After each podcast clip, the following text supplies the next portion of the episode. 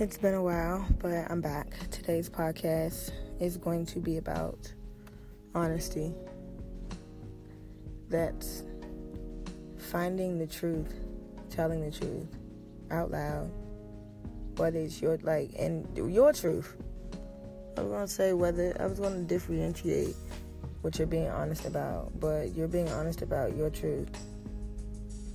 And honesty, telling the truth, and being honest, being real, is hard. It really is. Because everybody not going to understand where you're coming from. Everybody not going to understand what you're saying. Like, speaking a foreign language sometimes, depending on the type of person that you are, depending on the things that you believe in. But if that's what you believe in, that's what you believe in. And if you got faith in that, that's your faith. Can't nobody, can't nobody stand in between that. And you have to be honest with yourself about whether you really going out here in the streets and being real. You can say one thing and you can claim that you are about something. You can march with the biggest crowds that, that say that one thing. But if you don't take them steps like within your, your actual life, you're not being honest, man. And you're not being real. You're not being real to yourself and you're not being real to other people. People lie because they're scared. They're scared of what people going to say about them, what people going to feel about them, how people going to see them.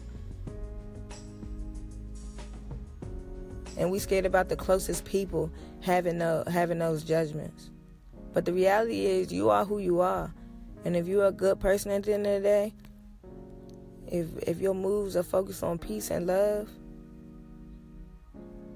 if that's really what your beliefs like, you know, hold on to you, hold on to, can't nobody take that away from you.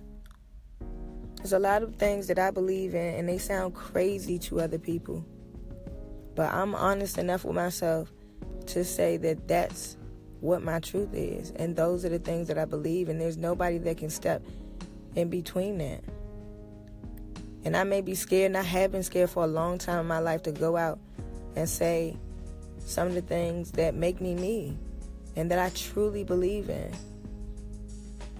And there's people that I've lied to in order to protect them, protect their feelings, protect protect a whole bunch of stuff. But in the end of the day, I've been sick on the inside. When you lie, it only makes it easier for the outside. But then on the inside, you're still struggling. You really gotta ask yourself, who do you care about more, the outside or yourself? Your peace or somebody else's peace? Either way, live your truth. I appreciate you for listening. I charge you to be honest with yourself. I charge you to step against the crowd, against the grain. If you gotta be by yourself, then be by yourself. If if you gotta stand alone because of what you truly believe in, stand alone. I'm okay with standing alone. Because at the end of the day, I know that I'm my whole self. I'm not lying for anybody. I'm not faking for anybody. I'm being me. And as long as I'm me to the realest point, then people will be able to see the real me and get the real me and treat me how they want to treat me because they've seen the real me. And then I, at that point, I decide on whether I want you in my life or not.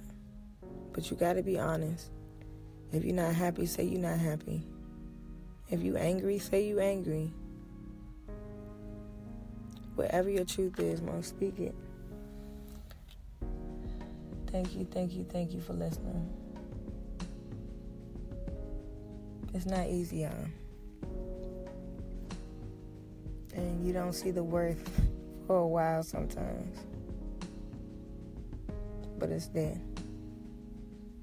Speak and live your truth. This is Six Sense, the podcast.